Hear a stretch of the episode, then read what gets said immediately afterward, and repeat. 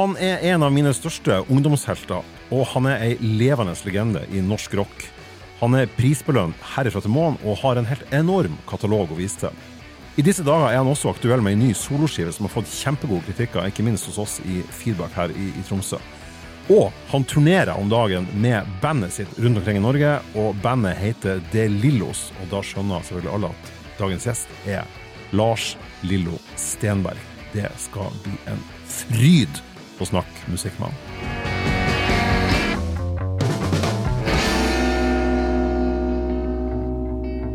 Ja, da er det en, eh, en stor eh, ære å, å ønske velkommen til eh, jeg må jo si selveste Lars Lillo Stenberg. Velkommen til Tromsø.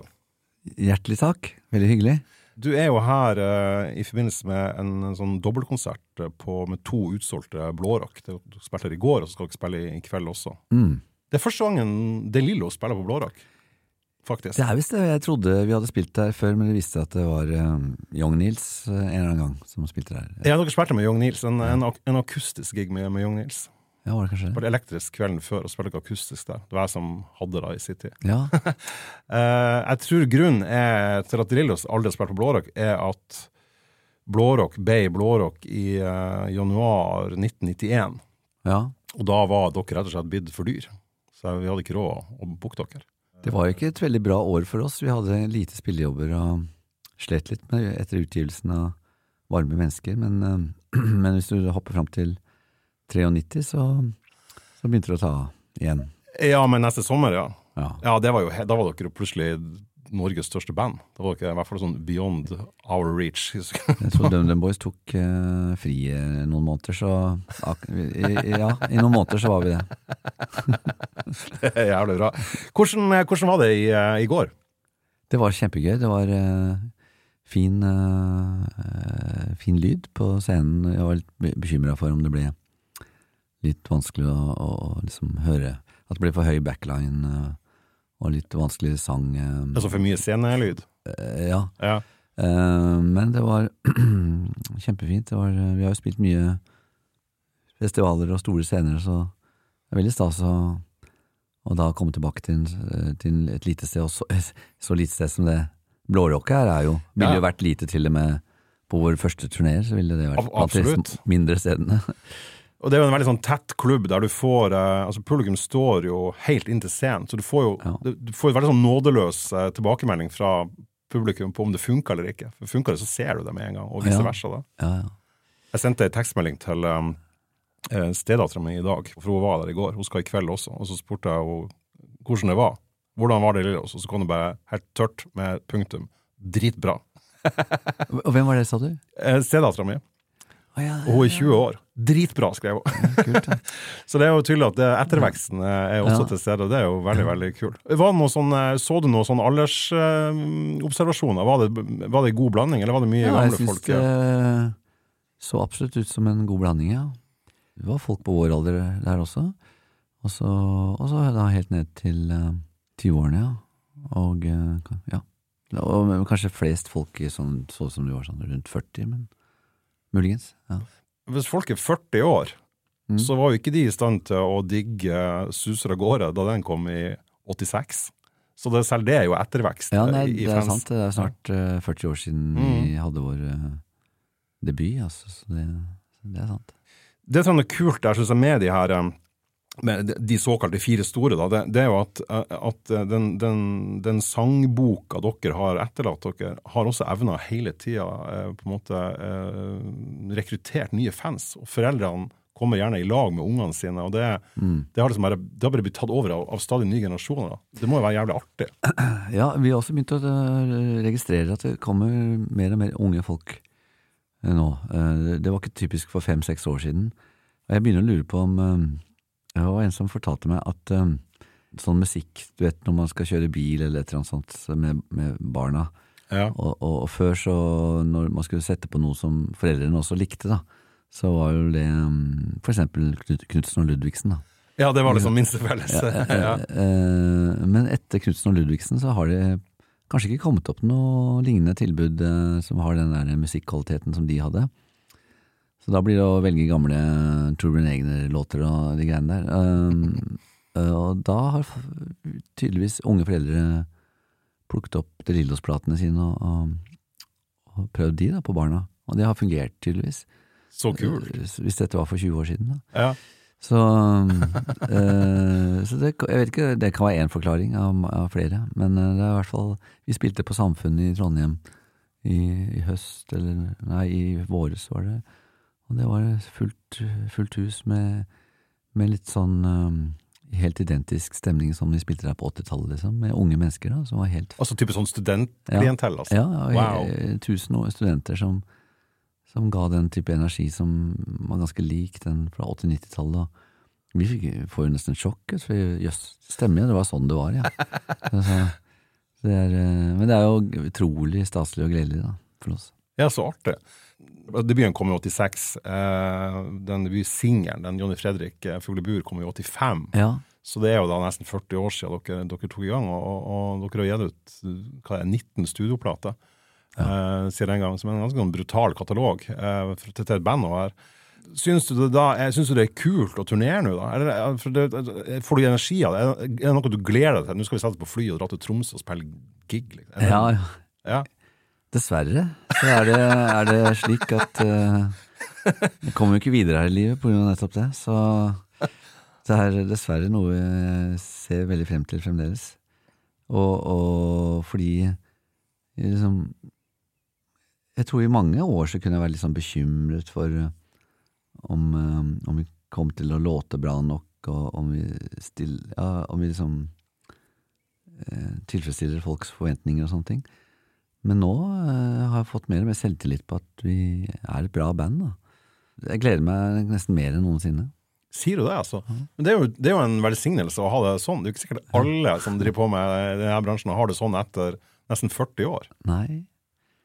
Jeg har inntrykk at en del mennesker som, eh, som er i en profesjon, sånn som advokater eller, eller, eh, eller ja, Skuespillere, for den saks skyld. Mhm. Og, sikkert Jeg vet ikke åssen det er med tannleger, men eh, De får vondt i hendene etter hvert. Men eh, de som Det er en del mennesker som er glad i faget sitt, altså. Eh, Selv etter 40 år. Og jeg føler at vi er blant de, da. Det du sier der, syns jeg er veldig, jeg synes er veldig uh, interessant. For at det er jo et eller annet med at um, hvis du spiller for eksempel piano eller jazz, eller kanskje til og med også blues, så er det nesten et sånn pluss å ha litt sånn levd liv eh, å kunne vise til. Eh, mens når Rolling Stones ut, uh, annonserer at de gir ut nytt album, så blir det sånn her eh, litt sånn tulleinnslag på ukeslutt, og er det ikke på tide å legge inn årene, og som, eller Bob Dylan blir 80, og sånn. Så jeg tenker sånn, det det er jo det de kan. Det er jo det de vil. Det er jo det de alltid har villet. Så jeg- jeg- akkurat som rocken har noe sånn her At det skal ligge noen slags sånn begrensninger som jeg, jeg føler er litt sånn kunstig. Hvor- Hvorfor det? Har du noen idé om hvorfor det er sånn?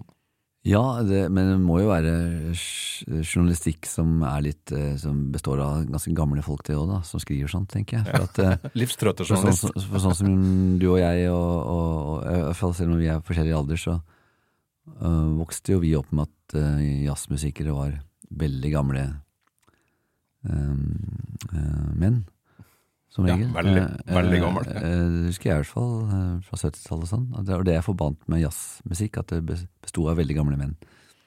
Så det var helt naturlig for meg, og, nå vokser det opp en del eh, som tenker det samme om uh, rockemusikere, at det er veldig gamle mennesker som driver med det. Så jeg går for at de, hvis de eh, begynner å skrive om det, så tror jeg ikke de heller reagerer så veldig på det.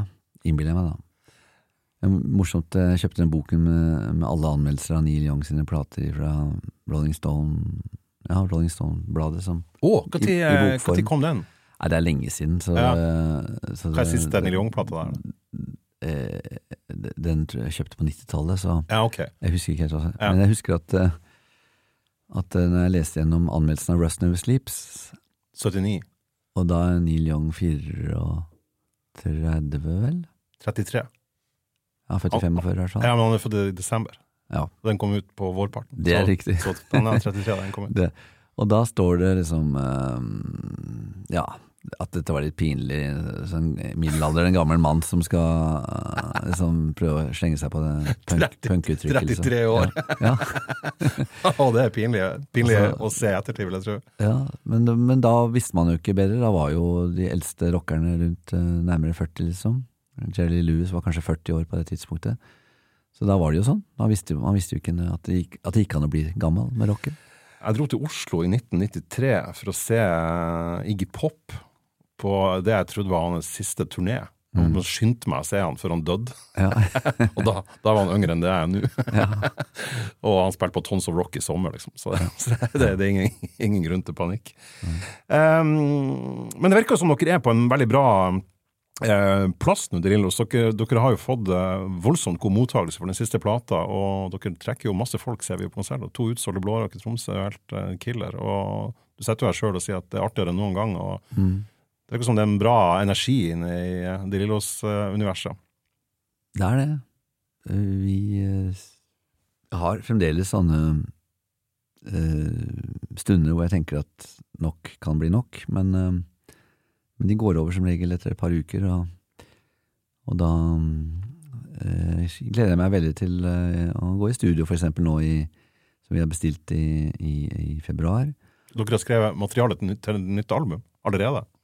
Ja, det er kanskje mm, Men de har funnet ut at det der å bestille studiotid, det setter i gang, setter i gang saker. Ja, ok, så det er litt sånn selvpushing, ja. ja, ja. Så jeg har, jeg har, absolutt masse låtideer uh, liggende, men jeg, jeg, har litt lyst til å, å, ta det litt fra scratch også. Kanskje bruke noen, noe av det, men jeg har jo alltid Sånn som lagde denne americana liksom americana-aktig plate. Det er liksom, Du har gitt ut ei kjempebra eh, jo, pl pl plate der du synger på engelsk, som kom nå for et par uker siden. Hjertelig takk, men, bra, ja. Eh, men uh, hvor americana det er, det, eller folket det er det Jeg vet ikke hva americana er sjøl, for å være helt ærlig. Men, men det er, håper Gundersen ja. som uh, introduserer meg med at plutselig alt er amerikaner, men uh, det, det, er jeg ikke helt enig i. Men uh, i hvert fall. Um, så, så består jo det også at jeg plukket låter som jeg har hadde liggende, da. Ikke med tekst, for de lagde jeg ganske rett før innspilling, men, men låtene var alt fra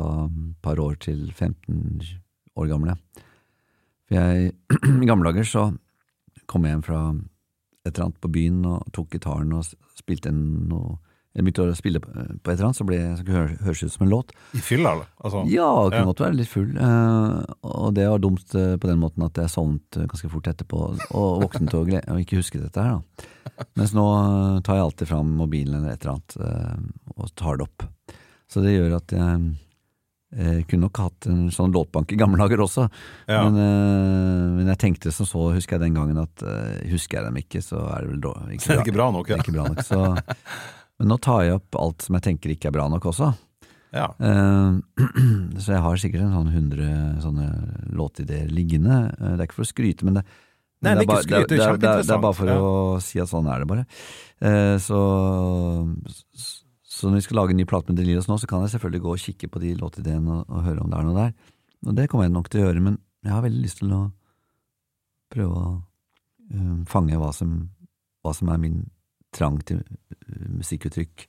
Akkurat nå, akkurat nå tenker jeg at det er veldig, veldig gøy å lage noe som, som var um, rett og slett uh, litt uh, funky, på et vis. Altså noe som var litt, Funky?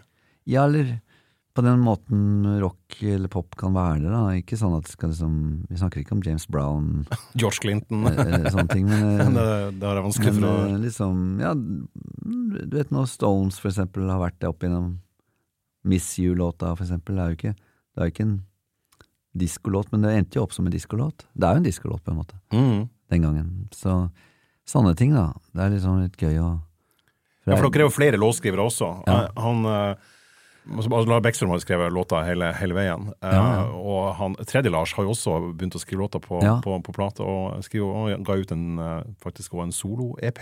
Uh, så det er tydelig at det er en bra kreativ drive innad i bandet òg, da. Han har nettopp uh, vært og spilt inn noe nytt. Lars Lundvold. Hørte på det i går, hørtes veldig fint ut. Ja, så bra. Veldig, veldig Han var jo en Da han kom inn i bandet, så var han jo også en sånn en rakett. Han kom litt, litt yngre enn dere og ga dere enda en sånn tyngre sound på særlig konserter. Så jeg husker jeg var mm. veldig sånn, eh, Da dere gjorde, da dere turnerte på Svett smil-plata, tror jeg det var, da den Stakkars Oslo-låten, som egentlig var sånn uh, ja. eh, forløperen til Kokken Thor, sånn som jeg tenker på den. Som var Ja. Veldig tung, eh, nesten sånn metallisk, eh, Ragged Glory-aktig eh, låt. Da var, da var han Etter hvert. Et, ja, etter hvert. Et, et hvert, ja. del av, av, av, av li- liveuttrykket. Ja, ja, ja. Da jeg kontakta deg og, og spurte om du ville stille, så, så, eh, så sendte jeg snakka litt med deg på telefon, og så sendte jeg en en e-post, og så har vi liksom hatt litt kommunikasjon frem og tilbake før vi, før vi havna her. Og så sa du at da du liksom begynte å tenke at du skulle begynne med musikk sjøl, så hadde du en idé om at du skulle bli trommis en kort periode. Det, det synes jeg var så jævla morsomt, det har jeg aldri hørt før. Nei. Hva, hva det kom? Var det Ringo som var helten? der? Ja, jeg tenkte det, ja? liksom at uh, man skulle velge seg en Beatle, og plutselig var det Plutselig var det Ringo, liksom.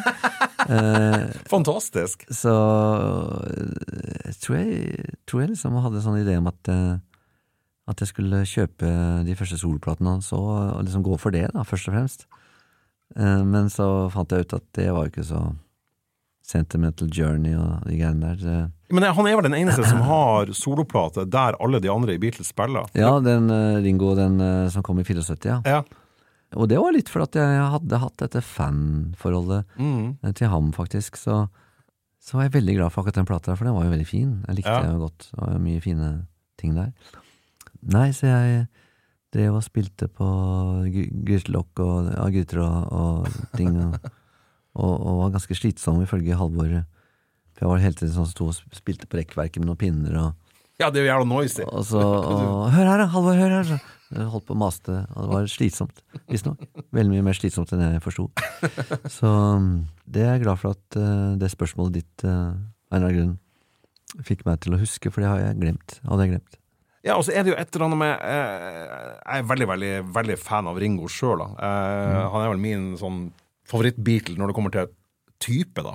Eh, for jeg syns han er en fascinerende type. Han er jo den suverent beste skuespilleren av, av dem også, Ja, i de filmene. Så blir det sagt litt sånn på tull og sånn, men, men poenget er at han var jo Han var jo en helt sinnssykt bra trommis.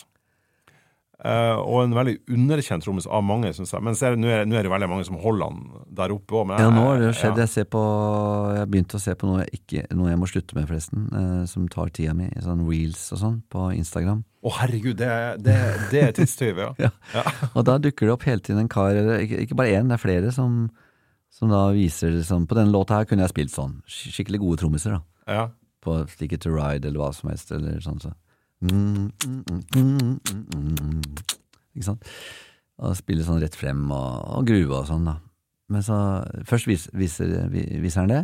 Hvordan Her kunne jeg gjort sånn. Men det gjør ikke Ringo, han gjør sånn, han.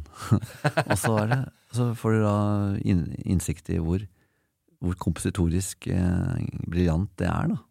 Det han eh, fant på. Og det må jo ha vært et eller annet med at sånn fire flate ikke helt var, helt var At fremdeles den der arven fra litt sånn type swing og jazz og sånne ting eh, var litt inne i bildet for disse trommisene som lærte seg å spille trom, trommer på, på slutten av 50-tallet og sånn. Mm.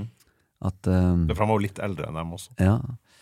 Så jeg tenker at, eh, at det der setter i gang med sånn en, to, tre, fire, dumt, dumte, dumt, dumt, dumt. Altså sånne ting.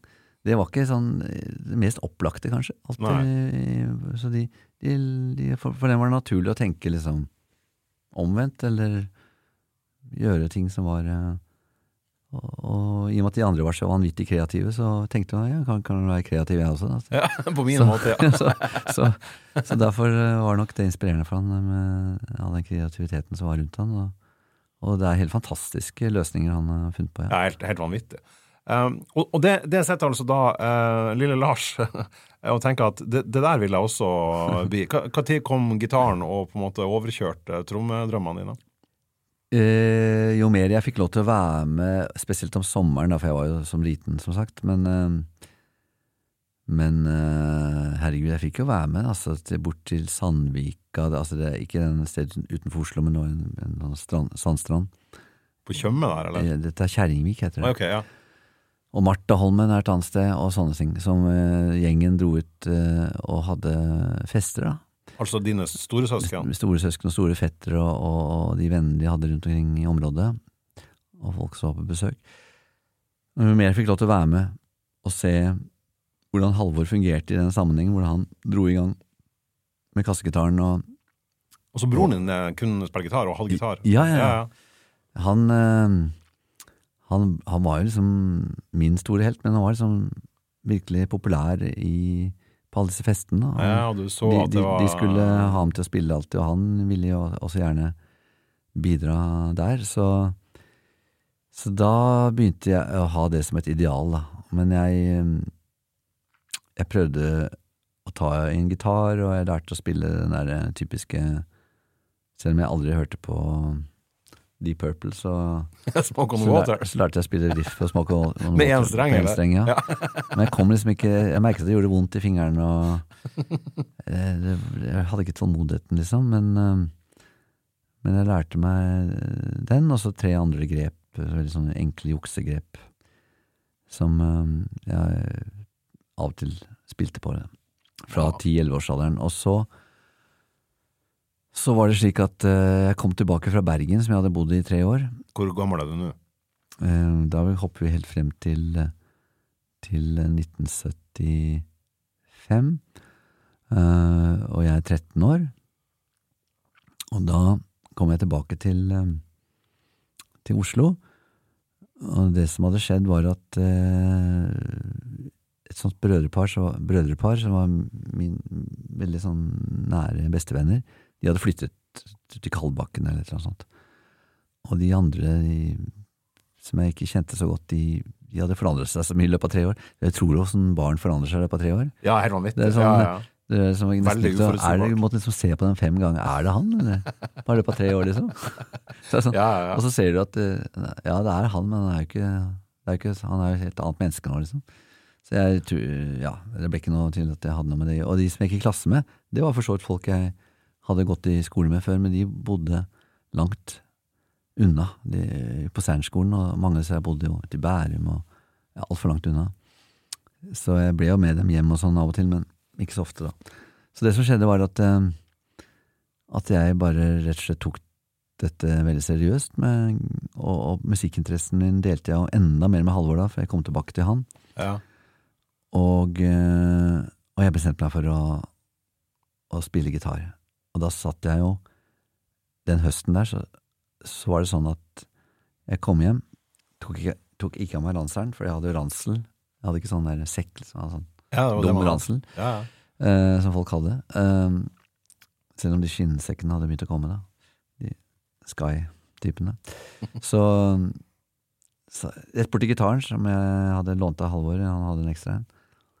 Og, eh, En stålstrenger, da. ja, Ja. og satt altså med den med ranseren på. Til, Og du hadde ikke tid å ta deg Nei, for du var så gira på å spille gitar. Ja. Det er jo helt nydelig. til det ble mørkt. Og det ble jo fortere og fortere etter hvert som høsten steg på.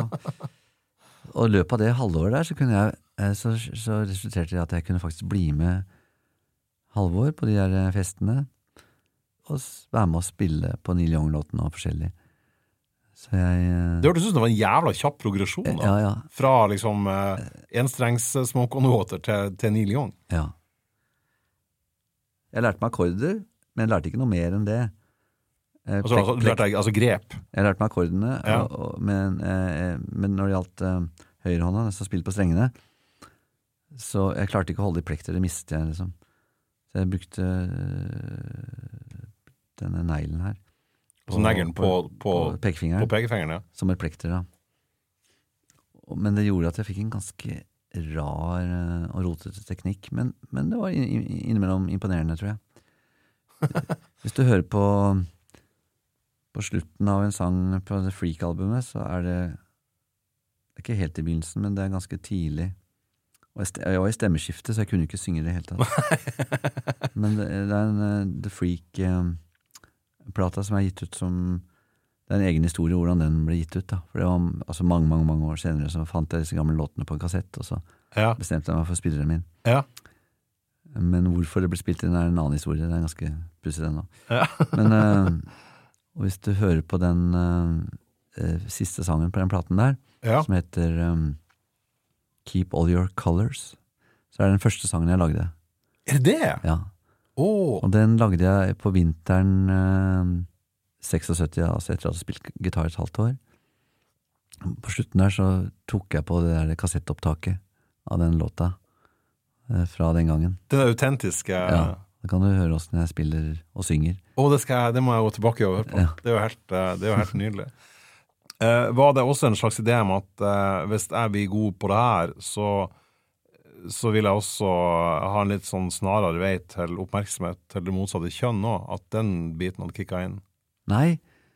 Uh, For det er jo ikke en uvanlig vei inn Jeg vet, i, jeg vet. i, i rocken. men, eh, men uh, Men jeg var sjenert, altså, for jenter. Jeg var det. Jeg ble venner med de. Jeg ble ganske gode venner med en som jeg var forelsket i i klassen. Det var mye lettere for meg å bli ganske Og da kunne jeg snakke ganske personlig om ting, og jeg var ikke sjenert å snakke om Der andre, kanskje gutter, syntes det var litt uh, kleint, liksom, så var jeg ganske åpen om ting og tang, men, men når det eh, det fysiske, å komme nær innpå dem, så, så var jeg veldig sjenert. Og jeg vil heller si omvendt, for jeg ble sittende og spille gitar på fester, jeg. Sånn som, uh, og det gjorde Halvor òg, så, så, så han tredjebroren min, eller han, han andre, vi er tre, han heter Ole, han, Mm. hans uh, festreplikk er jo alltid, for han blir jo spurt Ole, både Lars og Halvor spiller jo gitar, og hvorfor- spiller ikke du gitar? Da sier han alltid noen måtte jo prate med damene også. Så han, han tok seg av det. Han var raus. Men det her har du jo faktisk Du har jo skrevet om det her også, i, altså i, eh, i, i Nei, ikke gjør det. Eh, Så i hvert fall oppfatter jeg det som en sånn her eh, Du syns det er sinnssykt kleint å bli observert i samkvem, liksom fysisk samkvem med ei dame. Sånn, eh, la være, det her er pinlig. Ja, så at det, var, at det var noe veldig sånn forknytt, og at gitaren da kanskje heller ble et skjold mot det da, enn en et sjekkevåpen. På en måte, ja.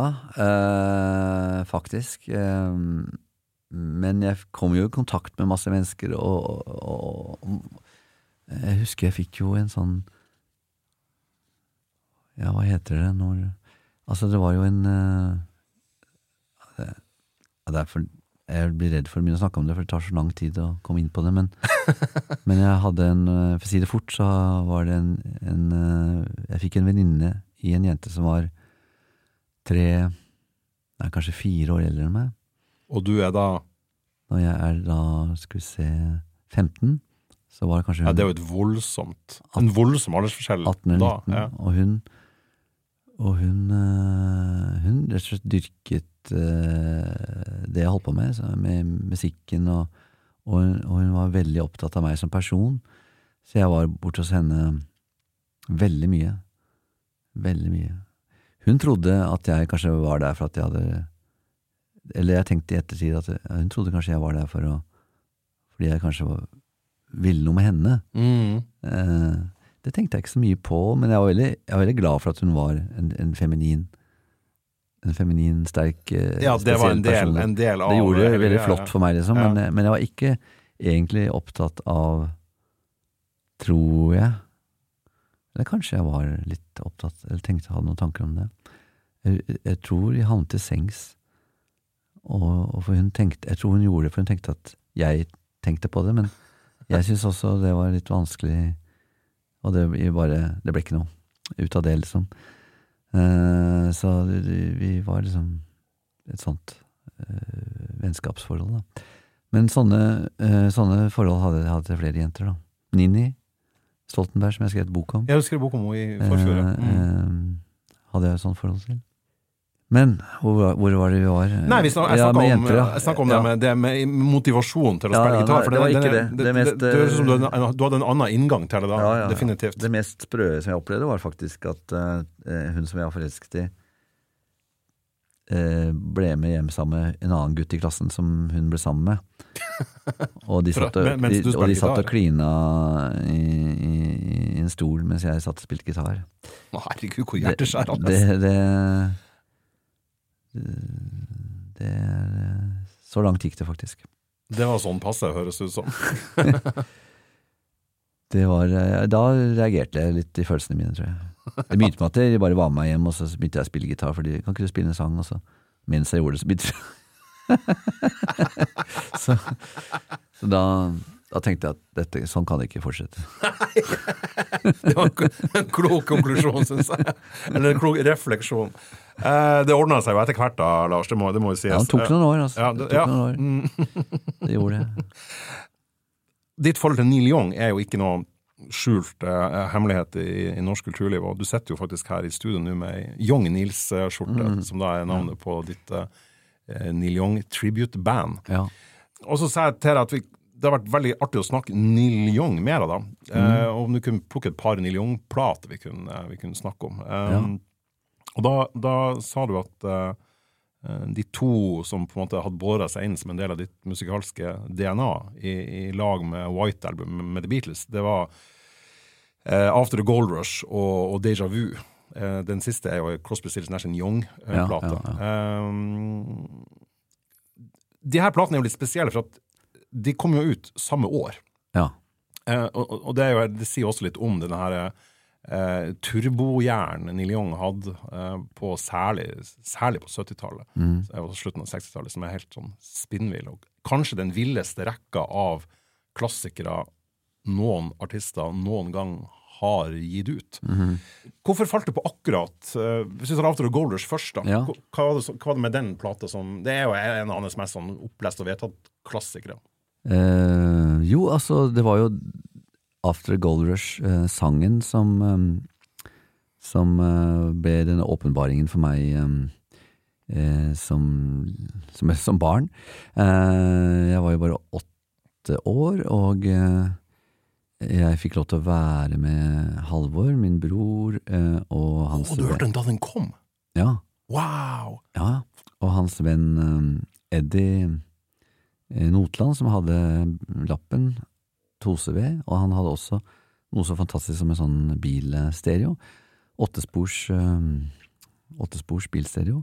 Sånne, sånne kassetter som var ganske store. I sånne svære kassetter. Ja, som Ja. bare most liksom inn sånn, Ja. i spilleren. Og så um, kjørte vi en tur i, bort til Urraparken. Der, der på den tiden der så var det ikke utypisk at uh, langhåra, interessant, interessant ungdom uh, samlet seg på gresslettene der utenfor Uranborg kirke. Hippiene, liksom. Ja, det Ja. var på en måte forsøk på det. Og da kjørte vi opp på høyden der, eh, der og ble stående parkert der, og bare satt inn i bilen, husker jeg, for da, da kom den sangen. Og jeg satt i baksetet, og jeg, og jeg, eh, jeg var jo da veldig deprimert. Jeg var eh, vanvittig Ikke sånn generelt, men på musikkens vegne, da. For jeg var veldig opptatt av Beatles. Det var jo øh, virkelig barneplatene mine. Jeg hadde nesten alle sammen. Du hadde alle Beatles-platen som, som ja, åtteåring. Ja, nesten. Og dæven. Og da var, hadde jo det stått i avisen at de, de hadde bestemt seg for å avslutte, bli oppløst. Ja, så du bar på en slags sorg da, Ja, som, ja, som fan, ja, ja.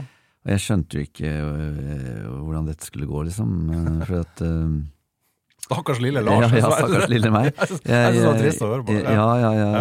For jeg husker brødrene mine prøvde å liksom trøste meg og si at det er masse kul musikk som kommer ut og sånn. Og de spilte Jeg hørte på standup med Jetro Tull og sånn.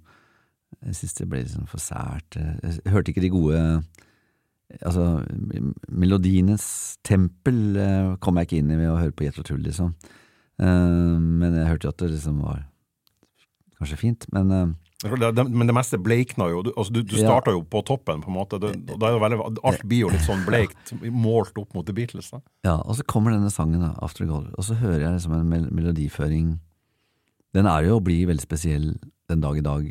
Som, den er veldig tander og hjerteskjærende, den, den låten. som en Neil Young-låt, så Ja. er den jo veldig sjelfull på en, en retning som ikke er helt Det fins noen andre han har gjort som er den veien der, men den er veldig Ja, den er litt unik, også i hans sangskatt-verden, da. Det er vel neppe noen annen sang han har sunget så Hva skal jeg si tvekjønnet på. Han, Androgynt, ja. Ja, ja. ja. han, han eh, legger seg jo tro, Han har jo nesten ikke klart å synge den i den tonearten i D-dur. Han gjorde det kanskje et par år, så måtte han flytte den til C-dur.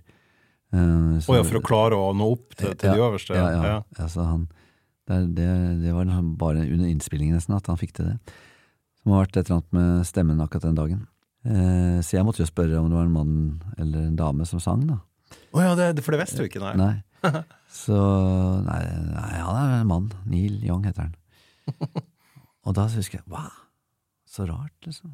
Så jeg ble så satt ut av, av liksom det uttrykket, og at det var så Jeg ble, ble så opptatt Jeg har ofte tenkt litt på at uh, kanskje uranbor Kanskje Kanskje det var en søndag, kanskje kirken uh, At det var klokkeklang fra kirken eller et eller annet. I hvert fall så blandet seg inn en slags sånn sakral opplevelse.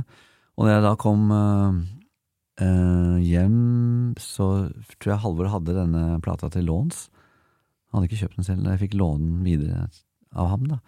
Hadde du egen platespiller, da? Jeg hadde en liten uh, lite anlegg, ja. ja.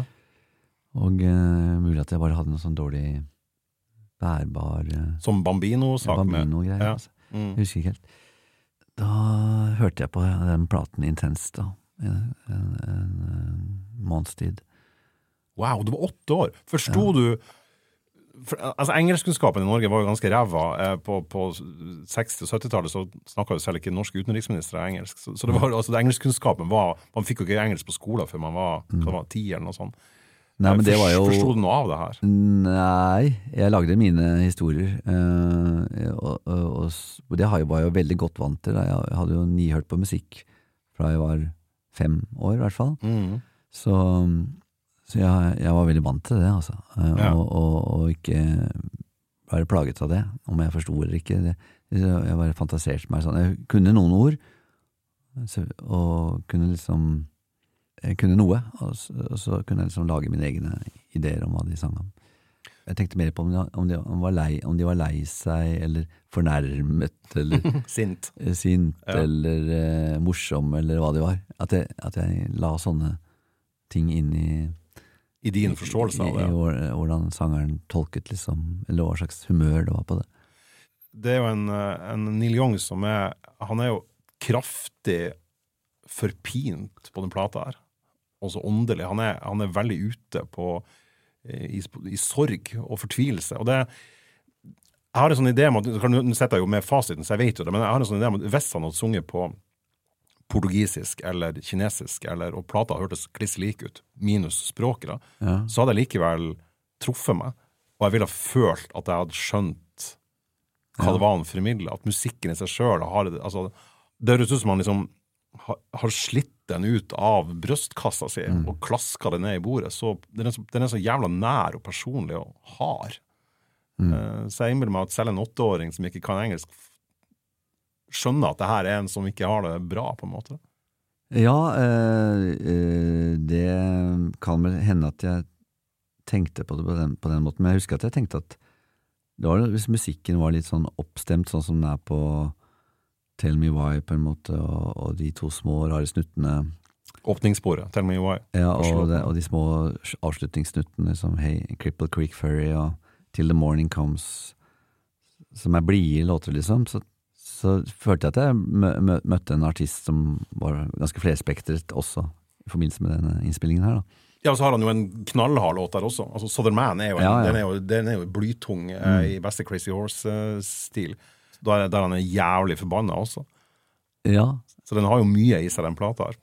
Ja da. Men så har det jo When You Dance, I Can Really Love er jo også liksom en uh, oppstemt uh, greie. Så ja. Jeg, jeg, kunne jo Jeg tror jeg Only Low Can Break Your Heart Jeg tror jeg forsto hva det betød. Jeg kunne ja, såpass, liksom. Hm. Nei, for den, den, den, skiva her er jo uh, Det er jo hans uh, Altså den og den andre, altså den Deja Vu, det er, det er jo Neil Young sine henholdsvis uh, sjette og sjuende plater. Ja. I 1970. Sjette og sjuende? Ja, for han har gitt ut tre plater med Buffalo Springfield. Oh, ja, sånn, ja, ja, ja, og, og, så, så, det her er hans album nummer seks, altså hans fullengde nummer seks og sju, mm. som han spiller på. da. Mm. Uh, og han er altså 24 år. Det mm. samme som vel du var da Susra Gårde kom. Ja. ja cirka i hvert fall. Jeg treffer noenlunde på det. Eh, og, og, og, den perioden han er inne i her, er, er så jævla vill. For jeg, jeg, så på at han, han ga jo ut Altså fra uh, 1966 til 1979 så ga han ut 15 album, og 12 av dem i hvert fall, og da er jeg ganske sånn streng, 12 av dem er ubestridte klassikere. Ja. så det, det, er ganske vilt det han holdt på med. Altså, han, han, var altså så, eh, så, produktiv, og med et mm. sånt kvalitetsnivå som har vanskelig for å se altså, Beatles kan, kan, man, kan man selvfølgelig Men det var et band med en kjemi. Altså, men av enkelte soloartister det er Kanskje han og kanskje Bob Dylan, da, som har uh, vært der. Men jeg, jeg holder uh, Neil Young et hode fremfor Bob Dylan. Da. Var Bob Dylan viktig for deg på den samme tida? Eh, der møtte jeg kanskje et problem med at jeg Med det som jeg snakket om, at jeg var så tidlig mm, ute med å høre på musikk at jeg Og, at mus, musikken var så viktig for meg, liksom. Så, og at tekstene ikke var så, jeg var ikke så farlig med tekstene for meg, liksom. Nei. Så når jeg hørte Bob Dylan som barn, så ble det litt sånn at eh, At jeg ble utålmodig, liksom. Det ble for mange vers og, Ja. og for mye ting jeg ikke forsto Ja. og at melodiene for meg eh, hørtes litt mer sånn ut som at han liksom sang noe som allerede var laget, liksom, på en måte.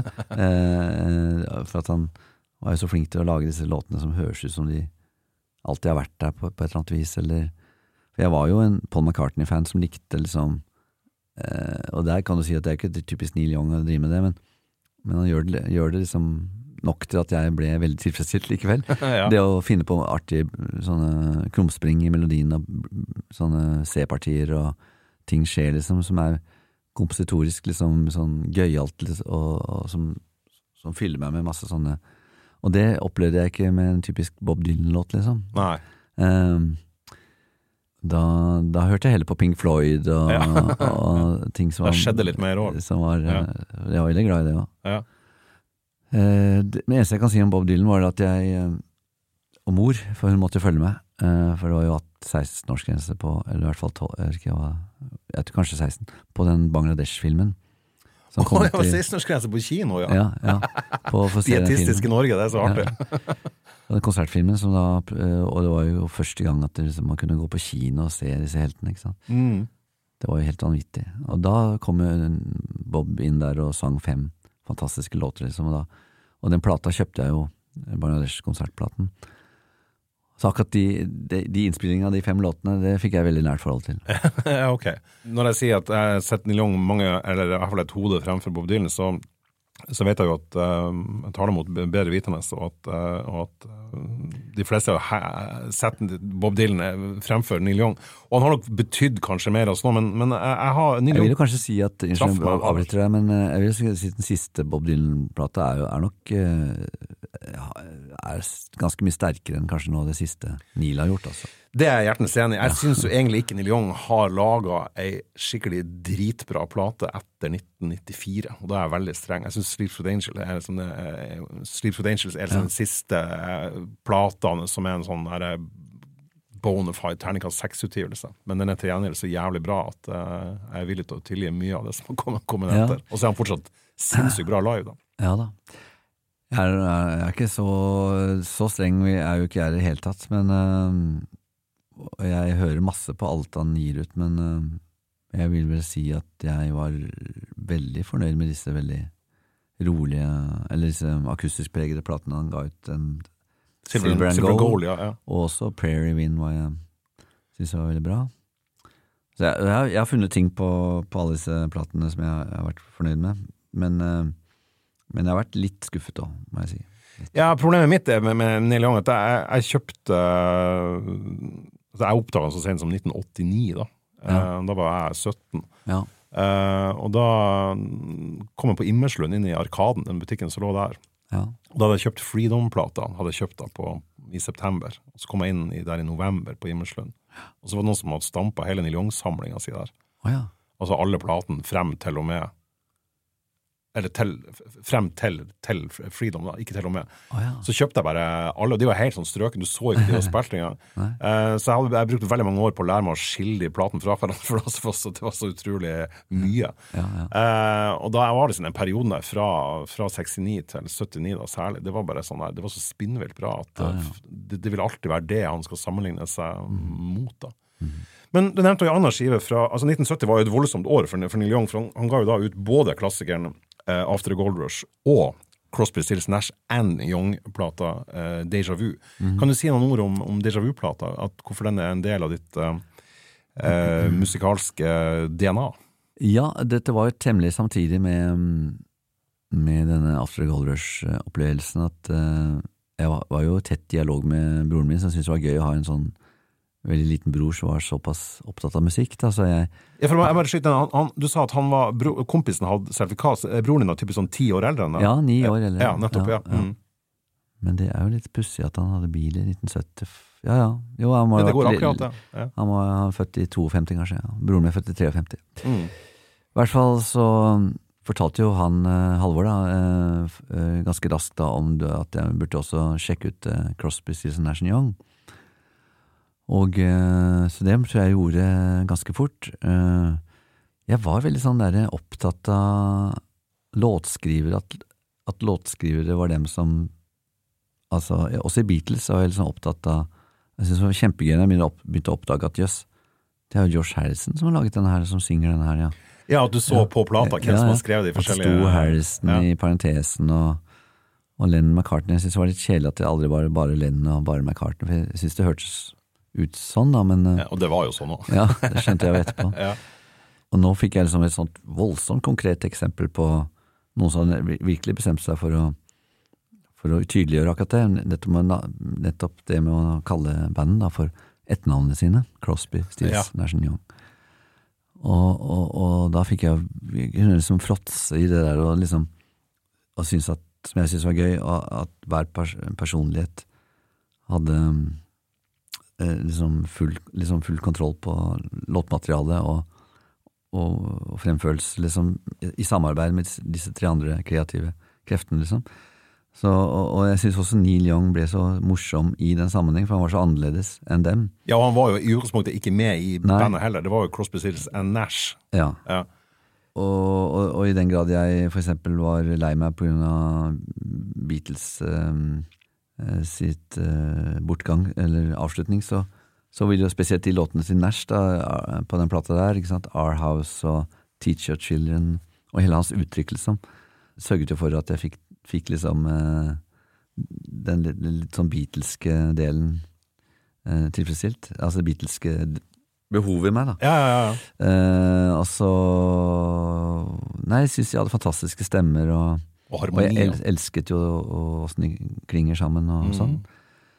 Så jeg gikk jo hen og fikk tak i Graham Nash sin første soloplate også, ganske fort.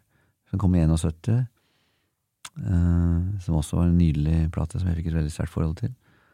Og så kom jo Harvest etter hvert, da, som jeg husker jeg kjøpte en av, en av de tidlig i butikken som fremdeles fins, altså. Som heter I en platebutikk som fortsatt finnes. i- som ikke er platebutikk lenger, for det var i alle disse årene så har det vært en eh, radio og grammofon eh, og et sted hvor du selger grammofonspillere og, og, og, og radioer og, og høyttalere og sånn.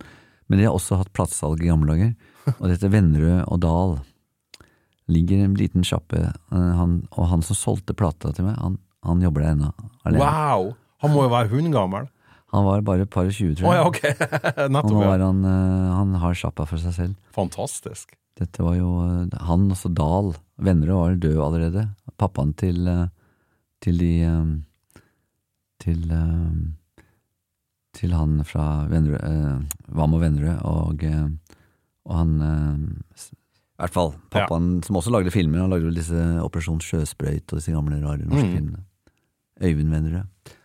Han starta den sjappa der, sammen med Dahl. Og den er der ennå, så det er litt klenodium i Oslo, for det er ikke så mange ting som har vart så lenge i Oslo. Definitivt. Men der kjøpte jeg Harvest, ja. Ja, du kjøpte Harvest, ja. Men, men, men den her uh, Crosby, Stills Nash and Young, for jeg, jeg husker at jeg jeg kjøpte også denne plata.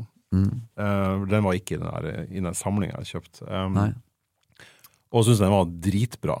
Eh, og så trodde jeg også at den låten Ohio var der, for den, Ja. den var på den, den skiva som heter Decade, den samleplata, Ja, som er 70-tallssamleren til, til Neil Young. Og den hadde jeg kjøpt uh, tidligere, for det var, uh, det var eneste måten å få høre låta fra On The Beach på, for den var helt umulig å få tak i.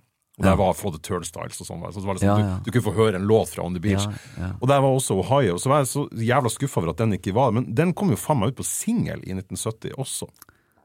Utafor alt det her. Det var jo den sprø greia med at Teacher Your Children var jo på vei opp uh, på Billboard der. På, det gikk veldig bra med den, liksom. Ja. Uh, og den var i steg og steg for hver uke. Uh, Graham Nash sin låt. ja, som var liksom da den singelen fra plata som, eh, som var den mest kommersielle. og så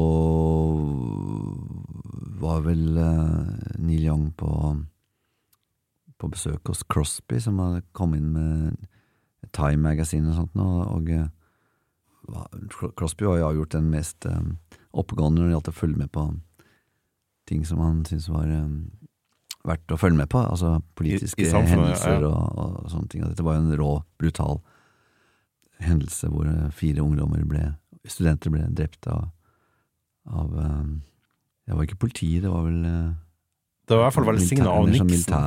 Ja, for det var Nixon som jeg tror som gikk mot en, ja. demonstrasjon, da. Ja. Helt vanvittig. Uh, og dette handlet I hvert fall så var det et, et Time Magazine hvor det sto om dette. Neil Young tror jeg ikke kjente til sitt greia. Men han, uh, som vanligvis ikke var så opptatt av å ha noe budskap i den retningen i tekstene sine, ble jo helt oppslukt, og han også, av, denne, av dette her, som Crosby var også helt Så han bare tok opp gitaren og og rett og slett lagde denne eh, sangen der og da, nesten på direkten. Altså teksten og melodien, alt bare kom ut på en gang. Herregud. Veldig fort. Og Crosby ble jo helt fra seg av begeistring og opprømt eh, sånn virketrang til å gjøre noe med det fortest mulig. Så han ringte til Nash og Stills, som da var i England, tror jeg, og sa dere må bare sette dere på første fly. Og, eh, for, å få den spilt inn som, ja. som eh, kvartettene? Og jeg tror det bare tok liksom fra låta ble laget til, til at den var ute på singel, eh, trykket, og de, de heiv seg rundt alle, alle prosessene. Så plateselskapet også var veldig De gjorde jo noe som var totalt mot deres prinsipper. da, Komme liksom, Gi ut en ny låt når det var, når det var en Og Nash var jo da veldig hva skal jeg si, tolerant som hadde jo den suksessen med den låta, ikke sant? Ja, med sin egen låt, ja, og så kom den her og klussa det til. Så. Ja. Han var også sånn sak for saka, liksom. Ja. Alle var begeistret, og dette, den ble gitt ut da bare tre-fire uker etterpå, og, og, gikk rett til topps. Liksom. Jeg leste, at, eh, jeg leste, at, David Crosby gråt i studio når de spilte. Ja, det tror han gjorde. At det var så, for at det var så hardt. Det er en veldig hard låt òg. Men den skiva her, den, den Déjà Vu, er jo Det var der uh, Helpless også er, den, den, ja. den Neil Young-låten som han også gjør på på The Last Walls. Og, ja, ja. En helt fantastisk låt. Uh, men den er altså, Den solgte jo sånn, type sånn åtte, åtte millioner sånn da den kom, og nå har den solgt dobbelt til 13-14 millioner. eller sånn. Så den, den, har, den plata har solgt mer enn noen av de har klart å gjøre uh, hver for seg. Mm. Så det er tydelig at her var det, akkurat som The Beatles, du får en kjemi mellom fire stykker der én pluss én pluss én pluss én mm. blir type seks eller sju. Mm. Uh, og at det her var deres på en måte peak da, med, med, som, som, kvartett. Uh, for Neil Young var jo ikke noe sånn han var jo ikke noen superstjerne da han kom inn i, i, i trioen og, ben, og, gjorde det til en kvartett. Han, han vært spilt på Woodstock, var det som var introen hans til det. Der kan jo du bedre enn meg. Jo, altså de spilte jo på Woodstock, eh, alle, men det var bare nesten de tre som ble profilert fra det, for han ville jo ja. ikke bli filmet. Han var sint på kameraene som var i veien, Han syntes det var en uting. Nei, eh, nei, han var ikke han var, Nei, og Buffalo Springfield de ble jo aldri ordentlig store, de. Men eh, Crosby Burrs var vel svært. Mm. Så i Amerika så var vel kanskje han den mest kjente, vet ikke. Men de ble jo helt gigantisk. Ja. Eh, og det hjalp vel karrieren til, til Neil Young òg. at Han fikk på en måte, han fikk kicka 70-tallet i gang da, med After the Goalers og denne her brutale suksessen med, ja. med, med, bandet, der han var én av fire. Ja, ja. Er det en grunn til at du, at du setter den her At Déjà Vu, den plata med dem, er viktigere enn en resten av katalogen til, altså en, til en artist du har gått så til de grader i, til bunns i? da? Det er så vanskelig å svare på, fordi jeg blir jo beskyldt for å være nostalgiker og, og um... Er nå det også galt? jeg vet ikke det får, det, får, det får, jeg ha et annet program til å snakke om hva, hva det egentlig begrepet betyr, altså. Men uh, det kan jo være litt tilfeldig, kanskje. Hadde jeg liksom hørt uh, Senere så hørte jeg den Crosby Stills Nash-plata som kom ut året før. Ja. Som også er uh, selvfølgelig en, en plate jeg setter veldig pris på. Uten Neil Young, til og med. Um, og hadde jeg hørt den først, liksom, som den første opplevelsen i den 2CV-en, liksom, så kan det hende at historien min hadde blitt annerledes på den måten. Eh, så hadde jeg sittet her og snakket om den istedenfor. Og tributebandet The Young Nashes. ja, ja. The Grey Nashes, da. Ja, ja det er bra. Passer bra nå, det. Nei, men altså Så det er litt sånn vanskelig for meg, akkurat det. Men jeg, rent eh, objektivt så innbiller jeg meg at uh, Déjà Vu er en, en, en helt historisk, fantastisk plate. Ja, ja, herregud. Ja, herregud. Um, På alle mulige måter. når du spør meg om sånne, sånne, sånne plater, så Jeg kunne jo sikkert ha eh, Altså, den derre The Soft Bulletin med Flaming Lips var også sånn, som kom ut i nå var det 99 eller noe. 99, ja. En sinnssykt bra popplate. Ja, den, den hørte jeg sinnssykt mye på. Jeg også. Og, En eh, fantastisk skive. og jeg, Turneen med dem på den plata var også helt uh, beyond. Ja. Det var så bra live at det var helt teit. Så eh, det har jo vært ting der eh, i mye senere tid som, som har sterk eh, inspirerende effekt på meg, og som jeg har digga noe voldsomt. Mm. Men, eh, men det er et eller annet med at, eh, at jeg drar med meg disse gamle platene inn. Når jeg brukte ordet DNA, så er det liksom de, de har gått liksom, Ja, ja. de har havnet inn der. Mm. Jeg har jo også et lignende De årene der var jeg tro, formative vanvittig. da. Ikke sant? Jeg, sånn som, jeg husker at jeg lå med eh, sånn sommerforkjølelse i en uke og bare hørte på Ram med Paul McCartney, den andre soloplata hans. Ja. Og eh, så når jeg hører den, så får jeg også veldig sterke eh, emosjoner, altså. Jeg spurte også hva som har vært på en måte de, de tingene som, som, som du har som har forma deg eh, musikalt, som, som, som ikke er Neil Young, da, som er en veldig sånn kjent eh, ting. Og så ramsa du opp um, forskjellige artister fra forskjellige tiår. Og en del av det her er jo veldig sånn eh, opplagte ting, altså sånn som, eh, sånn som eh, Flaming Lips, eh, som du nevnte. Nei, du nevnte det var, det var, det, det, det var Flaming Lips du sa, ikke sant? Ja da, ja Softbulleting, ja. Eh, og Wilco gir mening uh, på, på, på 00-tallet, da. Og REM gir også mening. Jeff Buckley gir mening. Uh, men så har du også sånn som Talking Heads, Ja, som du nevner på 80-tallet, som, som, som viktig for deg. Det, det er et veldig merkelig band, for at det er veldig vanskelig å forutse hvem som liker det og ikke. ja. For de elskes av folk som liker ganske hard rock, ganske Ja, langt unna det, det, de, det de holder på med. Og sånn elektronikafolk eh, og danseinteresserte. Eh, og så er det noen som bare hater dem fra alle de leirene. Så det har vært en merkelig band. Hvilken skive var det som traff deg hardest, da? Jeg var ikke opp, ordentlig oppmerksom på dem faktisk før Remain in Light. Eh, Mitt favoritt Ja. med dem. Helt fantastisk. Så Og da ble jeg jo Det er kanskje en av de få banda hvor jeg simultant blir også veldig inspirert og, og glad for eh, tekstuniverset eh, til David Byrne. Ja. Og hele liksom, den typen han er, og hvordan han liksom Den Obstfeld, den Obstfelderaktige pakka han har på den der eh, Once in a Lifetime. ja. Um, Jeg, jeg syns akkurat den låten er litt masete. ja. Men, eh, men den Ja. skiva jeg syns er helt fantastisk. Men så er Eh, det- og du- så ja, så- og så da utvikler det seg til at jeg følger opp eh, Jeg er fremdeles faktisk litt sånn Jeg kan ikke uten at de første platene ordentlig ennå. Det må jeg ta meg sammen. Men alt som kommer etter der, eh, Little Creatures og, og den um, Speaking in Tongue, Ja. og også det som kom etter der igjen, det hørte jeg veldig mye på, men spesielt de tre som jeg nå har nevnt. da.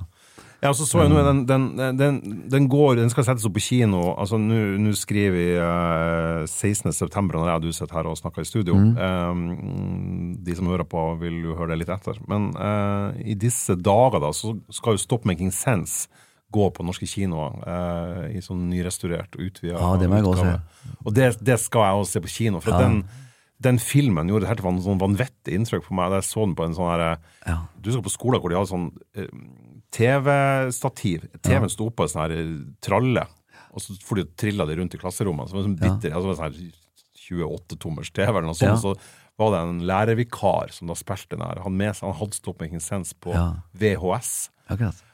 Og det, det var ekstremt skjellsettende. For det Ja. var liksom For det begynner med at han kommer inn, David Byrne, og gjør Psycho Killer. Ja. Eh, og så kommer Tina Weymouth inn da fra, fra høyre med bassen, og så, så gjør de en jævlig bra versjon av Heaven. Mm. Ja, Nå fikk jeg gåsehud av å snakke om Heaven. Ja. og, den så, og det er så, um, det er så uh, briljant lagd. Han er vel død, han Jonathan Demman som, som lagde. Ja. Den, den filmen den, den gjorde et vanvittig inntrykk på meg som på ungdomsskole. Uh, Ja. Og kjøpt skiva etterpå og digga den. og det bandet er det, jeg- det gjør noe med meg fortsatt når jeg hører de, de, de tingene. Men jeg vet ikke om jeg ville likt det om det kom i dag. Men jeg, men jeg elsker dem. Ja.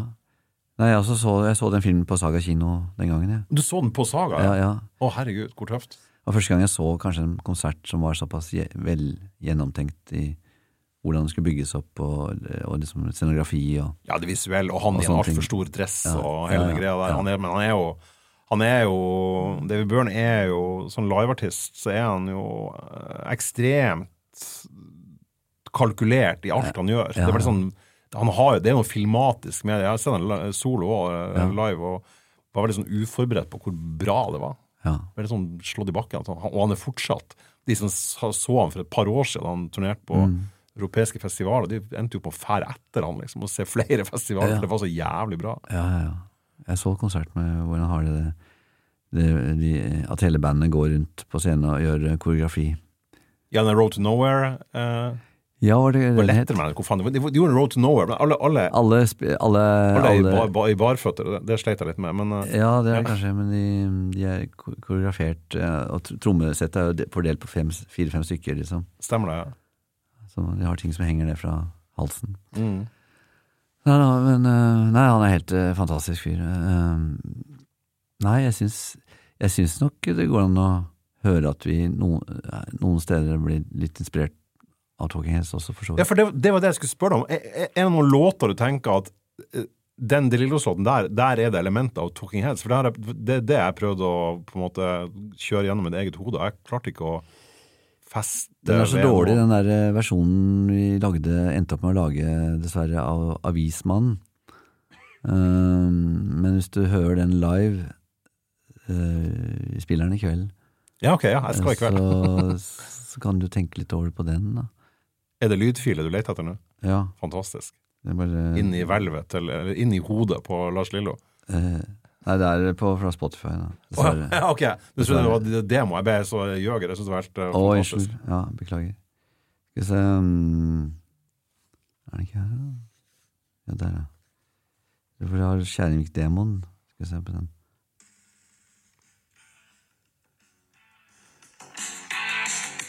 Dette var litt sånn Talking Heads-saken. Ja, i den versjonen, ja.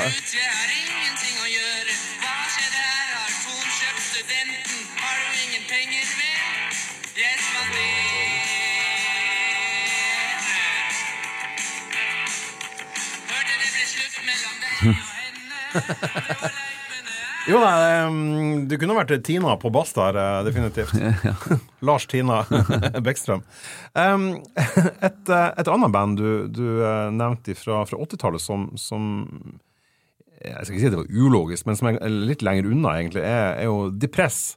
Og, og Depress er jo det mest unike norske bandet fra den såkalte punk new wave-tida. som jeg tror ville vakt oppsikt om det kom i dag, faktisk. Altså Ja. både, både for at det var så unikt Ja. med, med Andrej Nebb, som var liksom en eksentriker og, og en veldig spesiell frontfigur, og en jævlig kul vokalist. Men også for at de var så sinnssykt tight og jævlig gode spill, mm. eh, som veldig mange ikke var i den punk new wave-tida. Og, og han Jørn Christensen, som da spilte gitar, som var helt unik, altså helt sånn unikt god gitarist, han ble jo også etter hvert en, en god venn av deg, og en fyr som, som du også har spilt i Han var en god venn av meg før Depress. Ja, for det var det jeg skulle spørre om. Ja, han, ja. Han, han, for han er, hva er det, seks år imellom dere, eller noe sånt? Tre. Tre, tre år imellom dere? Ja, ok, jeg trodde det var mer. Det, hvor, hvor du kjente han ifra? Nei, jeg var 16 og han var 19, og da øh, øh, Etter vi hadde begynt på Ja, ja det var øh, Ragnhild fra klassen min som begynte på forsøksgym, og øh, øh, Og der var hun på fester og sånn, og, og så ble hun overrasket over at det satt en kar og spilte masse Neil Young-låter på den festen. Og så hadde ja, hun fortalt han, ham om at, jeg, at, eh, at han, hun kjente en, en god venn som også sitter bare på fester og spiller Neil Young-låter. Og jøss, hadde han sagt, og eh, hva heter han, og kan Det har vært hyggelig å ta kontakt. Og så fikk han telefonnummeret av Ragnhild til, til meg, og så ringte han. Og så husker jeg at det var så pinlig, for at jeg, jeg ble så opprømt av dette her at eh, At noen andre var like ja, som deg? ja, og jeg ble sånn eh, Som jeg av og til kan bli, litt sånn skrytete. Så jeg, eh, ja, stemmer det. Stemmer det. Jeg, jeg, kan 64 Neil Young-låter utenat. Så, Du skryter med en gang! ja. så, jeg skulle liksom virkelig si ifra at her er en som kunne si Neil Young. Så Hvor mange kan du, liksom? Å ja, altså, så hørte jeg med en gang at det var teit, for han var jo så mye- Det høres jo bra ut, sa han, sånn rolig. sånn. Men så ble jeg enig om at jeg skulle dra og møte ham, da. Han bodde på hybel og i Welhaven- Welhavens gate. Så jeg husker jeg, jeg, jeg bodde jo hjemme og sånn, og det gjorde alle jeg kjente, stort sett. Så det å møte en kar som, som var fra Fredrikstad, bodde på hybel og Han var ikke så utrolig selvstendig, liksom. Klarte seg selv og lagde middager selv. Og... Så jeg fikk enorm respekt for ham. Og så viste det at han Om han kunne 64 låter, det vet jeg ikke, men han, men han uh, kunne liksom spille Neil Young helt korrekt, da. Ja. Jeg hadde den rotete teknikken min, men han hadde studert mer til punkt og prikke hvordan, hvordan man legger den akkorden, og ja, hvordan det skal spilles, rett og slett. Han, og han hadde lært å stemme ned E-strengene, både den tynne og den tykke. Ja, for at Neil Young stemmer jo om gitarene. Så Ja, stemmer ned. E-strengene, i hvert fall. Mm. Og sånne ting. Så jeg lærte både masse sånne veldig kule tips som jeg fikk av Jørn, da. Så vi ble kjent, og så jeg var fan av Jørn, og når dette da går et par år, så starter han The Press sammen, eller blir med der med prosjektet til André Nebb, da. Ja. Og, Og Ola Snortheim. og da har jeg et veldig nært og ø, intenst forhold til dette prosjektet. Jeg tror jeg til og med var på en øving med dem eller to.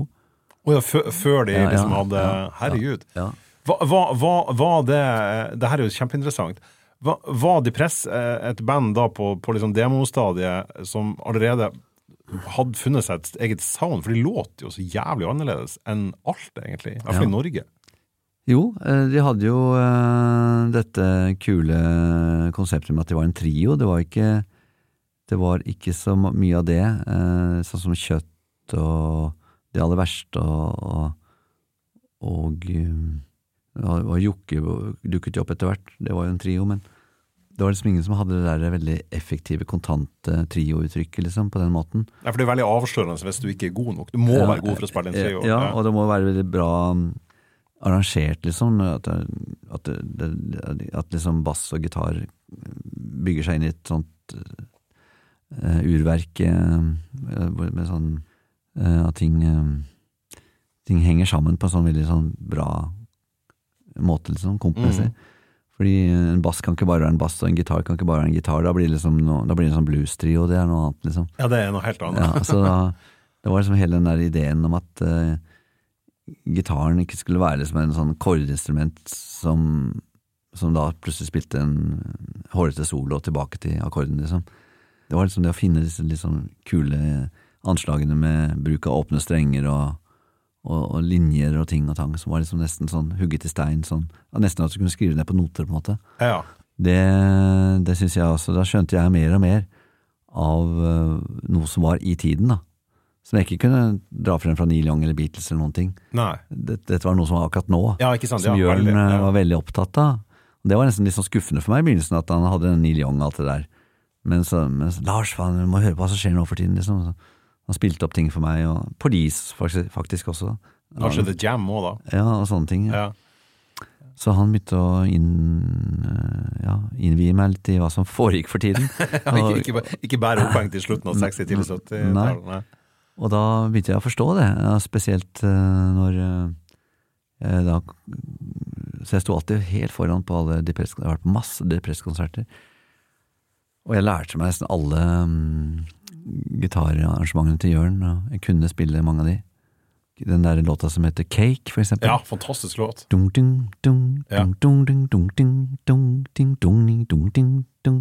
Så jeg bare dytta litt på fingeren der, så fikk jeg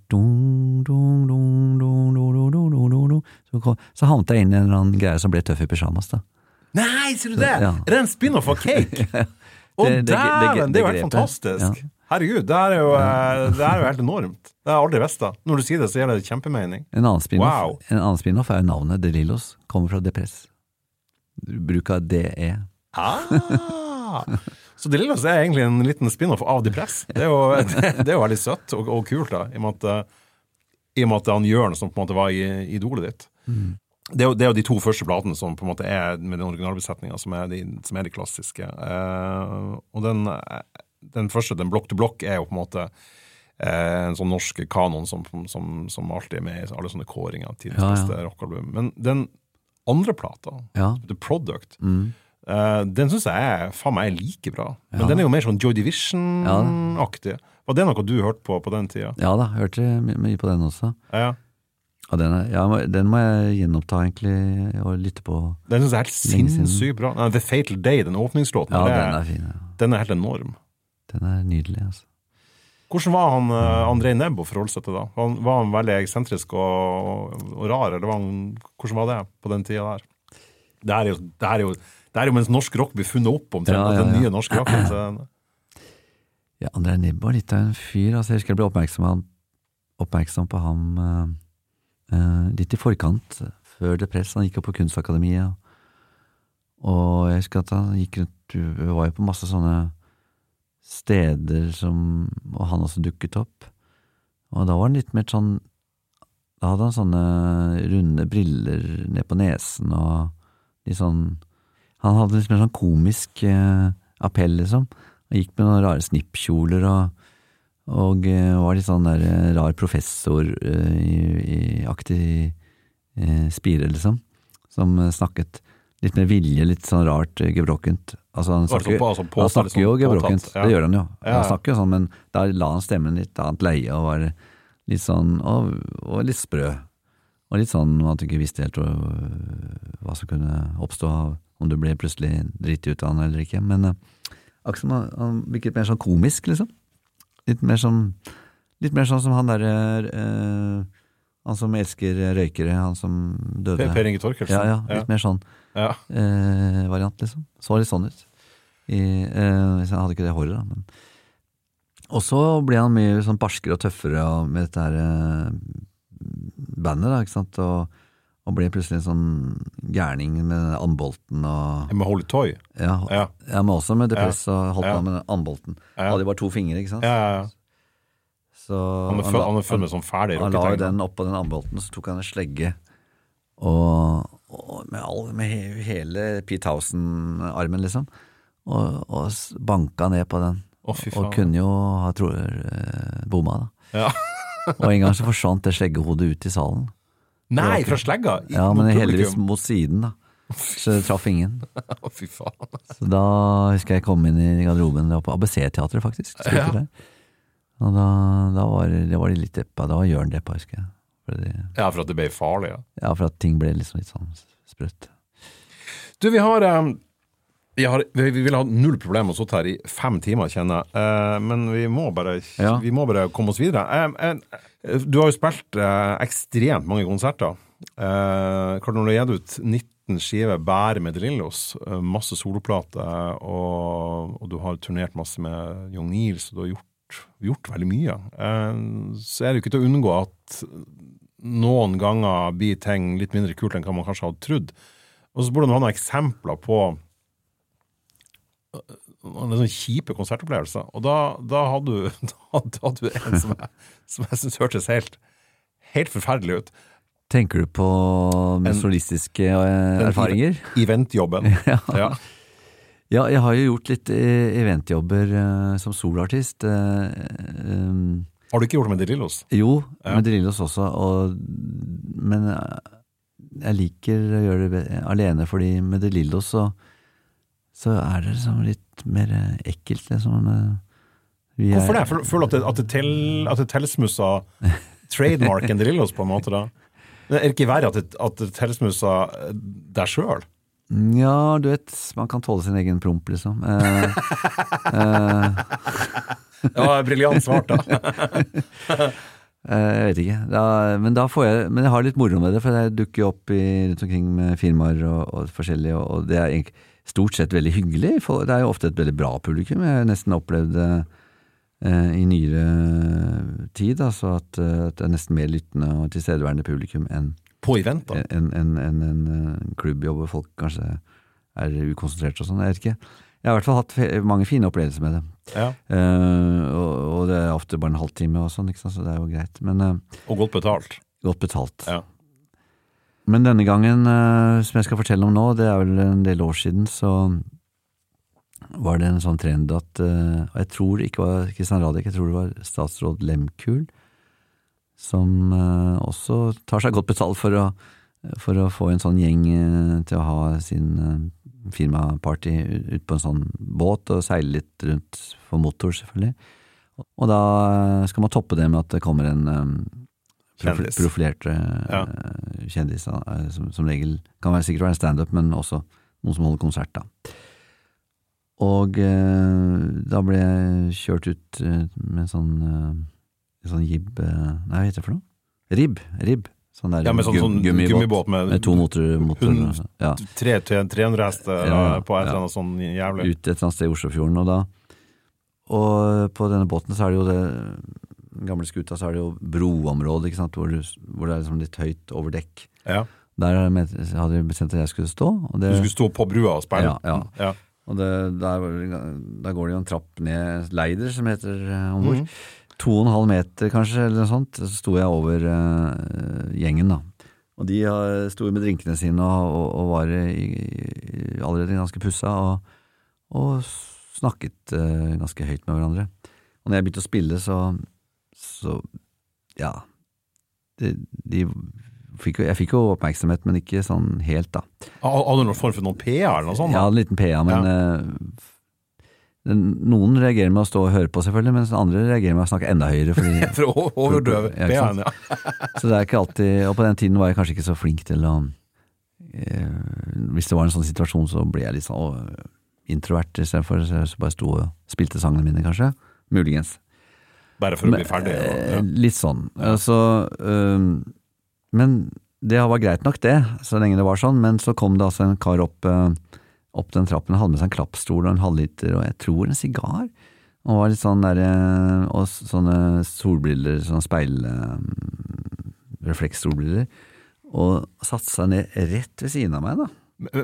Altså, mens du Ja, spiller? ja, satt seg rett ved siden og klappa ut stolen og, og satt med ølen og sigaren og Og gjorde seg til, og liksom? sa, satt sånn Jeg kan, kan, kan ikke Dette og, Men hvis jeg skulle Han satt og gruva? Han satt og gruva ja, sånn litt sånn overdrevet med, med sånne voldsomme Sånn hodebevegelser. ho- hodebevegelser Ja. og overkroppbevegelser, liksom, og var litt sånn kul og glisende til, til forsamlingen. Og de pekte og fikk oppmerksomhet på han og lekte og lo. Han satt og klovna seg Jeg satt til. og klovna og skulle liksom være, at dette var gøy, liksom. Ikk- ikk- jeg tror ikke hans tanke var det for å drite ut meg, men at her har vi part, du vet, sånn, sånne partyfolk, liksom, sånn som skal kjøre sånn partystil. Sånn på sånn litt sånn Det, er, det er veldig deg, tenker jeg. På sånn måte som, du vet uh, Ja, som man vanligvis driter ut, Uh, ikke sant? Og da sa jeg til to Da, da ble det vanskelig for meg å gjøre den konserten. Og holde, og holde fokus. Så da sa jeg etter eh, to sanger, så tenkte jeg, jeg tenkte, han kan ikke fortsette med det.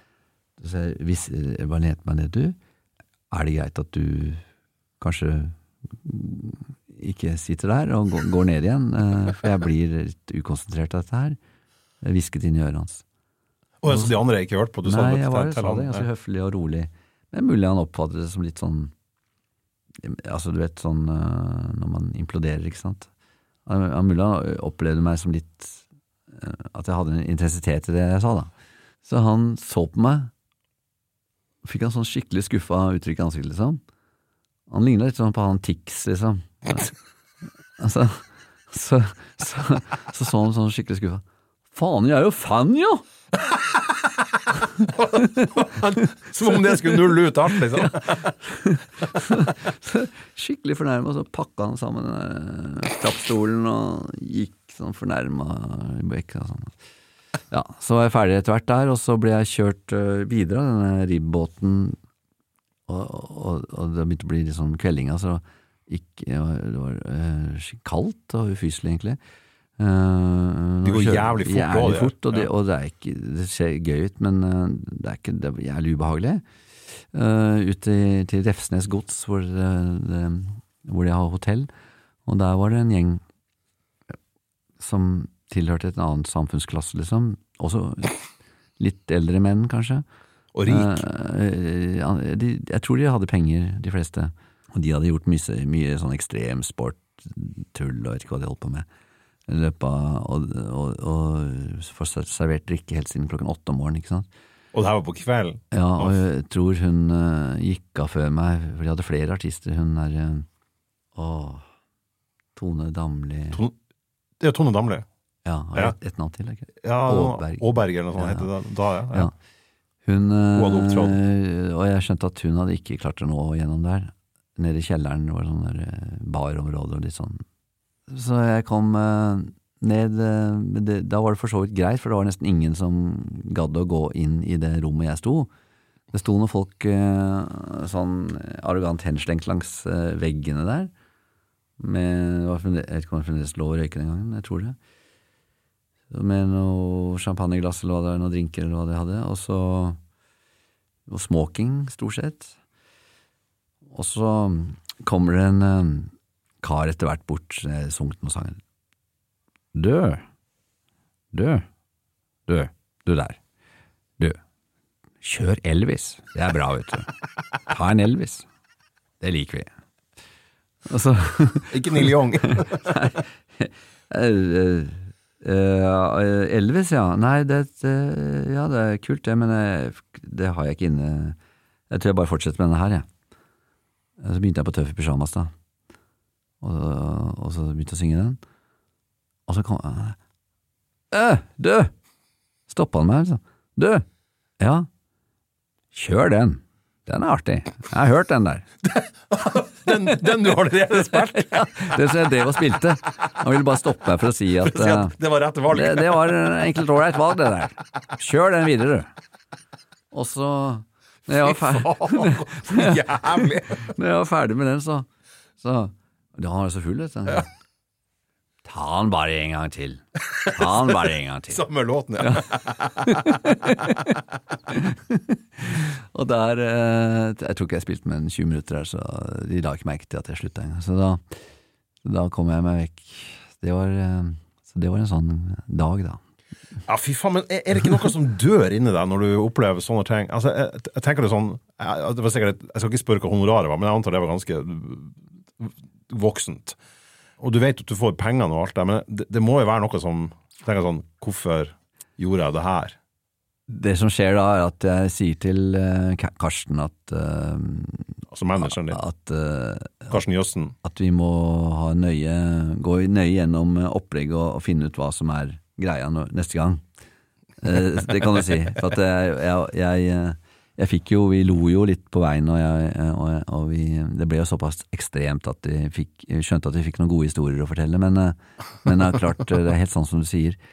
Men her var det liksom, det var beyond på en måte da, ikke sant. Jeg har jo hatt kanskje andre hvor det bare, bare, er litt sånn og jeg sa til Karsten en gang at jeg vil ikke være overraskelse lenger, for det var en periode. Jeg- Nei, at de faktisk vet hva det er som kommer på, ja. Så, jeg, så det var en slags eh, premiss etter hvert, for, at, eh, for det har jeg opplevd noen ganger at jeg kom på, så sitter jo en svær forsamling der som ikke, som ikke vet at det skal bli en konsert, og de er allerede på sin egen fest, ikke sant, og så og noen sier s- Å, jøss, han ja! Eh, Noen er jo sånn, selvfølgelig, at det er gøy og fint, men eh, når, hvis bare halvparten er det, så er det så utrolig slitsomt med de som egentlig synes det er noe Som ikke er interessert i det hele tatt. Ja, det Som jeg jo. syns det er noe mas at det står noen og lager lyd bort, borti der. ikke sant? Så, så, det, så det sa jeg fra på et tidspunkt, for det var en veldig sånn nedverdigende situasjon. Men når du har, når du, har når du, du er jo den eneste av de her eh, såkalte fire store Nå, nå han, han, han, eh, Jeg sier såkalte, for jeg vet at det er litt sånn kleint, men det er nå et begrep som folk kjenner til. Nå er han Jokke død, da, men jeg vet jo både, både Preple altså han Preple, Det sa han, det sa han Steinar Wikan da vi hadde han som gjest i podkasten, sa jo at han sa nei til å stille opp i, i hver gang vi møtes. Før, altså Han spurte ikke engang Preple, han sa nei på hans vegne. Ja, ja. Eh, og Michael Krohn eh, takka nei til en ganske høy sum, og sånn, han kunne ikke gjøre det, selv om han egentlig trengte pengene. Så sånn, det, det, kunne han rett og slett ikke, ikke gjøre. Men, men, men, du stilte jo opp i, i det. Eh, og, og eh, når man gjør det, så får man vel enda flere sånn, den type henvendelser. Det, det, det, er vel, det, er vel et sånn økonomisk smart ting å gjøre, men var, var det noe du Når du sa Det var jo sesong to eller tre du var med i. Eh, det var jo mens det fortsatt var artister man hadde hørt om. Eller jeg hadde hørt om, i hvert fall. Ja, bortsett fra for et par år siden, så dukka plutselig A-laget opp der igjen.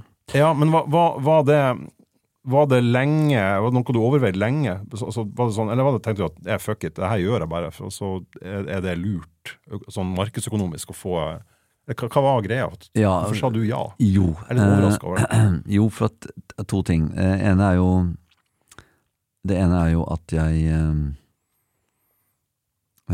har hatt som prinsipp at jeg ikke skal si ja til underholdningsprogram som ikke handler om musikk.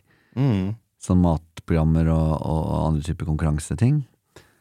Um, så jeg kunne krysse av at dette her handlet, om musikk, og så, og så er det det andre, det er jo at jeg er litt sånn konkurransemann, holdt på å si. Eller jeg syns oppgaver er veldig, veldig gøy.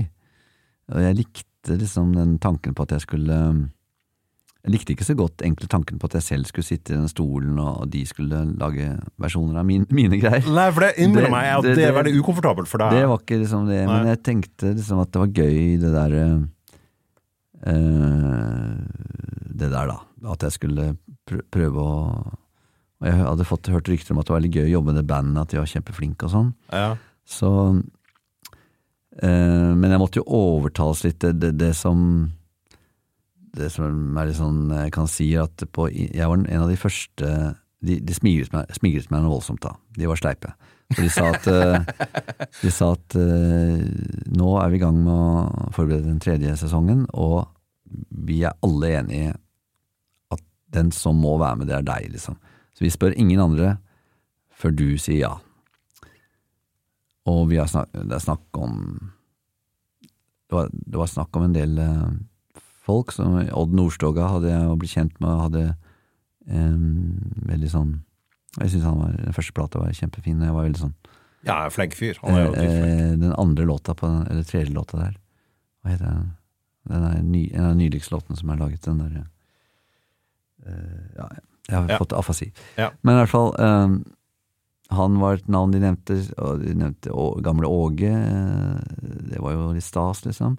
Og så var det vel snakk om Morten Harket, det var liksom en sånn voldsom Ja, tunge, gjeng, tunge eh, navn. Og, og, Ja. og, og, og, eh, ikke noe Ingrid Olava eller hvem. Jeg husker ikke hvem, men det var i hvert fall masse sånne relativt kule folk da, som de trodde altså, De hadde sagt, og de smilte meg å si at eh, dette blir en lang unnskyldning, merker jeg, men eh, med at, at det liksom, de har, hadde hatt noen følere ute, og de, de var helt sikre på at hvis jeg sier ja, så kommer disse her til å si ja. Ja. Så det endte med at jeg sa ja. Eh, uh, og så skal, jeg kan også, du kan også få meg til å innrømme litt at jeg tenkte at uh, Jeg tenkte Jeg tenkte litt på butikken også. Ja, det, for det, det er det jeg jeg spør om. Det, det er jo ryddig. Jeg, jeg, jeg tenkte litt ja. på De Lillos Ja. og, og at uh, Jørn og Per hadde skrytt av at etter at Magnus var med sesongen før at Magnus Grønneberg i Siste Cowboys, der, de, der Per Westerby og Jørn Christensen spiller. Ja.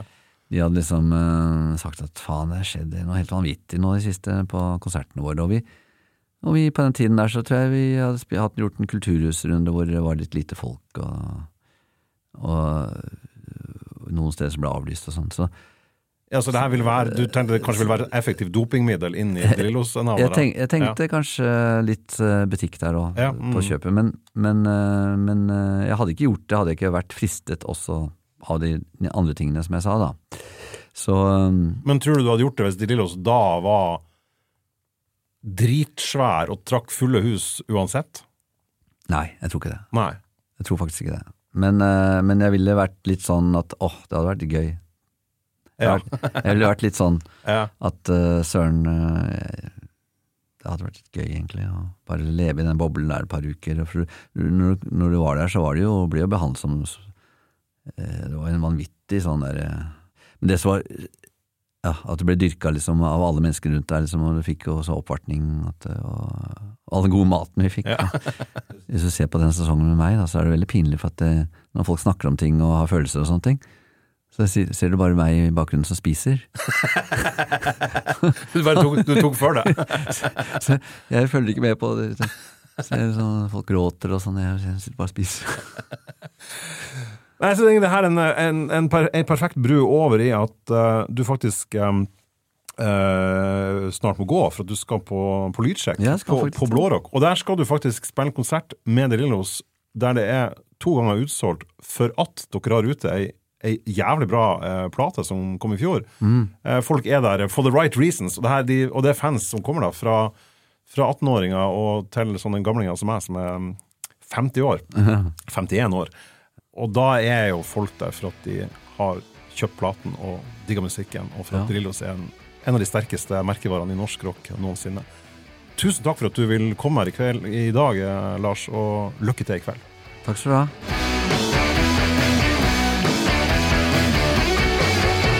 Feedback er en podkastserie fra avisa i Tromsø. Produsenten for sendinga var han Svein Lian, og jeg heter Egon Holstad. Husk også at vi lager spilleliste der all musikken som nevnes i sendingene, legges til.